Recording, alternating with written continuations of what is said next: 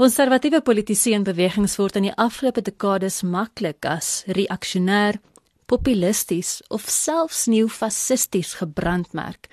Maar veral sedert die oorwinning van Broederskap van Italië met Giorgia Meloni as partyleier in die onlangse algemene verkiesing in Italië, word hierdie etikette wat dikwels sonder genoegsame rede aan konservatiewes toegesnou word, al hoe minder plofbaar.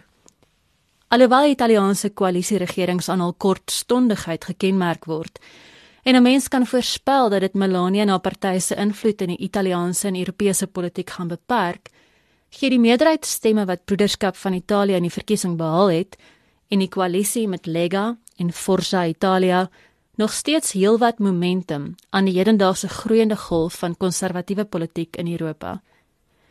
'n Regse verkiesingsoorwinning in Swede het ook onlangs plaasgevind en 'n opkoms van konservatiewe nasionalisme word oor ten minste die afgelope 6 jaar in die streek gewaar. Kommentators in die media verwys nou graag daarna dat die vorige verregse premier in Italië Benito Mussolini was. Gevolglik is dit 'n skok vir die internasionale samelewing om daarvan kennis te neem dat Meloni die eerste sogenaamde verregse premier in 'n staat in Europa sedert die Tweede Wêreldoorlog is. Maar dit is nie genoegsaam om 'n vergelyking met Mussolini te tref om die onlangse gebeurtenisse in Italië en Europa te verstaan nie. Ons is in die afgelope dekades gesosialiseer om politieke rolspelers of bewegings wat as verregs, reaksionêr, populisties of neofasisties geetiketeer word met 'n weersin te behandel. Die waarheid is egter dat 'n dominante links-liberale orde die politieke spektrum in ons samelewing so skeef getrek het dat konservatiewe politieke opkoms maak om 'n magsbalans te herstel. So kan konservatiewe populisme byvoorbeeld 'n goeie krag wees wat deur idealisme poog om instellings te bou en te bewaar, magsvergrype aan te spreek en vryheid en autonomie te bevorder. Terwyl radikaliteit en revolusie gewoonlik aan linkse politiek gekoppel word, is dit eerder konservatiewes wat in die afgelope jare die verpersoonliking van 'n revolusionêre gees geword het. Konservatiewe politiek is veral nou nadat Donald Trump nie daarin kon slaag om vir 'n tweede keer as Amerikaanse president verkies te word nie, besig om 'n nuwe moreel intellektuele kern te bou. Trump se narcisme, buitengewone oppervlakkigheid en afgestompte taalpatrone was nie goed vir die beeld van konservatiewe politiek in die algemeen nie. Nou is dit juis konservatiewes wat die vermoë en vaardigheid het om gehore se verbeeldings aan te gryp, na literatuur en die kunste en politieke toesprake te verwys en 'n sekere nuwe diepte in politieke boodskappe te kommunikeer.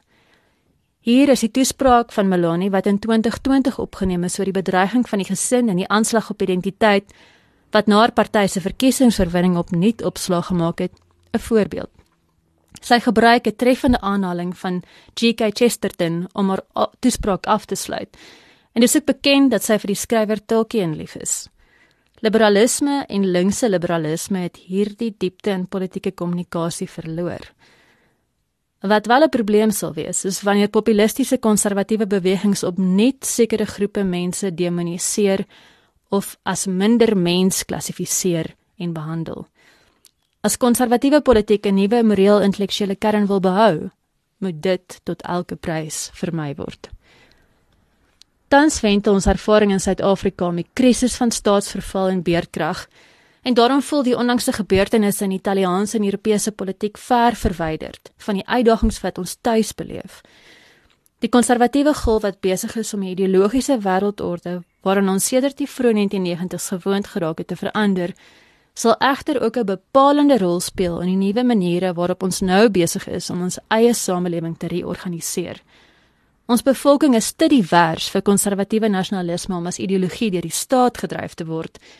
En daarom manifesteer konservatiewe politiek eerder in die klem wat nou weer op tradisionele waardes, kultuurgroepe, stamgebondenheid en die autonomie van gemeenskappe binne die staat geplaas word. Mag die konservatiewe beweging in Suid-Afrika dit ook nou begin regkry om soos in Italië 'n nuwe diepte in politieke boodskappe te kommunikeer en die verbeelding van mense aan te gryp.